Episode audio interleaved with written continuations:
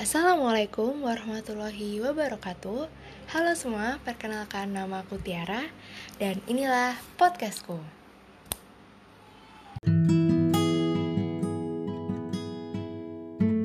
Sesulit itukah mendengarkan seseorang?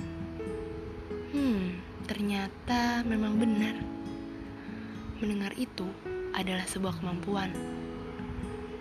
Tidak semua bisa mendengar dan tidak semua memiliki kemampuan mendengar. Memang benar bahwa tidak semuanya bisa kita dengar dan tidak perlu kita dengar. Akan tetapi, apa salahnya sih jika kita menjadikannya sebagai sebuah apresiasi? Tidak mendengarkan semuanya tidak apa. Akan tetapi, etika tetap harus dijaga.